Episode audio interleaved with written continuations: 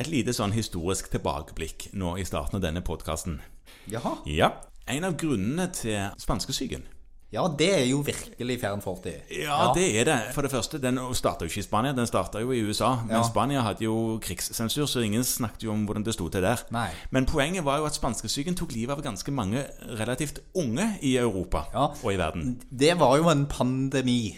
Så desidert. Ja. Eh, En av de eh, virkelig store eh, vi har kjent til. Ja. Og det var jo et influensavirus. Så sånn sett så er det jo litt underlig, for vi tenker jo i dag fort at eh, mange influensa det tar om noen liv av gamle og syke og skrøpelige. Ja, Men det de ikke hadde fått seg på den tiden, det var vaksine. Nei, det stemmer. Så det eneste de hadde å gå på, det var liksom antistoffer fra tidligere influensasesonger. Ja. Og grunnen til at en del unge, eller ganske mange unge døde, det var fordi at de hadde ikke fått den kjempestore vaksineringen, for å kalle det det, i form av den russiske snue.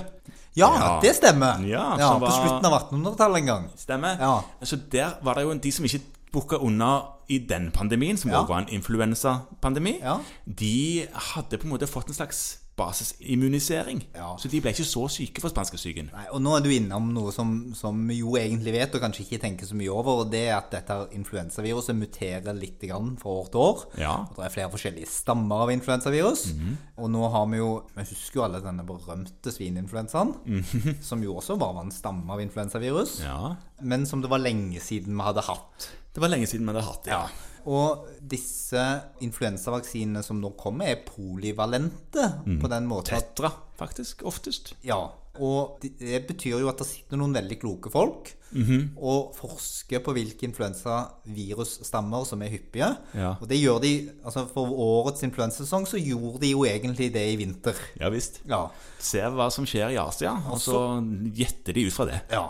Og noen ganger treffer de godt, og noen ganger treffer de ikke. Mm, noen ganger er de veldig kloke, andre ganger var de litt mindre kloke. Ja, eh, Vi skal jo ikke si at det er flaks.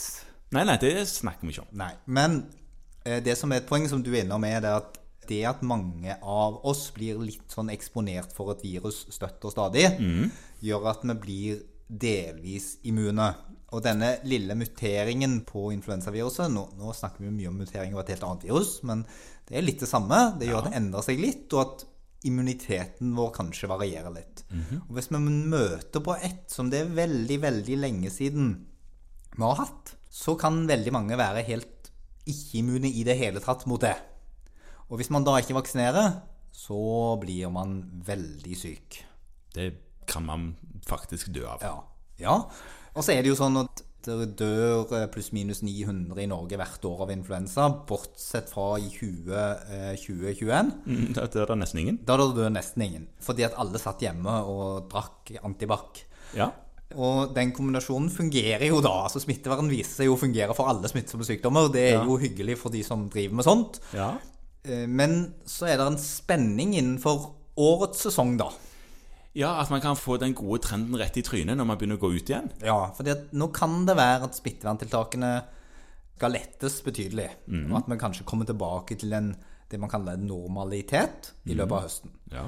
Sånn at folk kanskje begynner å oppføre seg som normalt igjen. Begynner å gå på arrangementer og sånt, hvor det er flere enn plass til 15.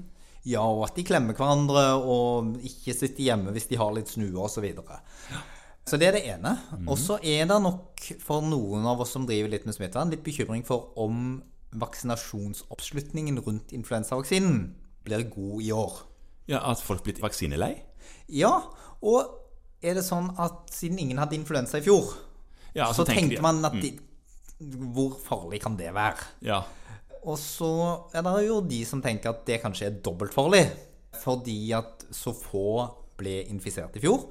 Og så vet vi, og det er en, et viktig poeng, at nå har vi lært noen ting om koronavaksine. At man trenger en så og så høy prosent for å få kanskje få flokkimmunitet.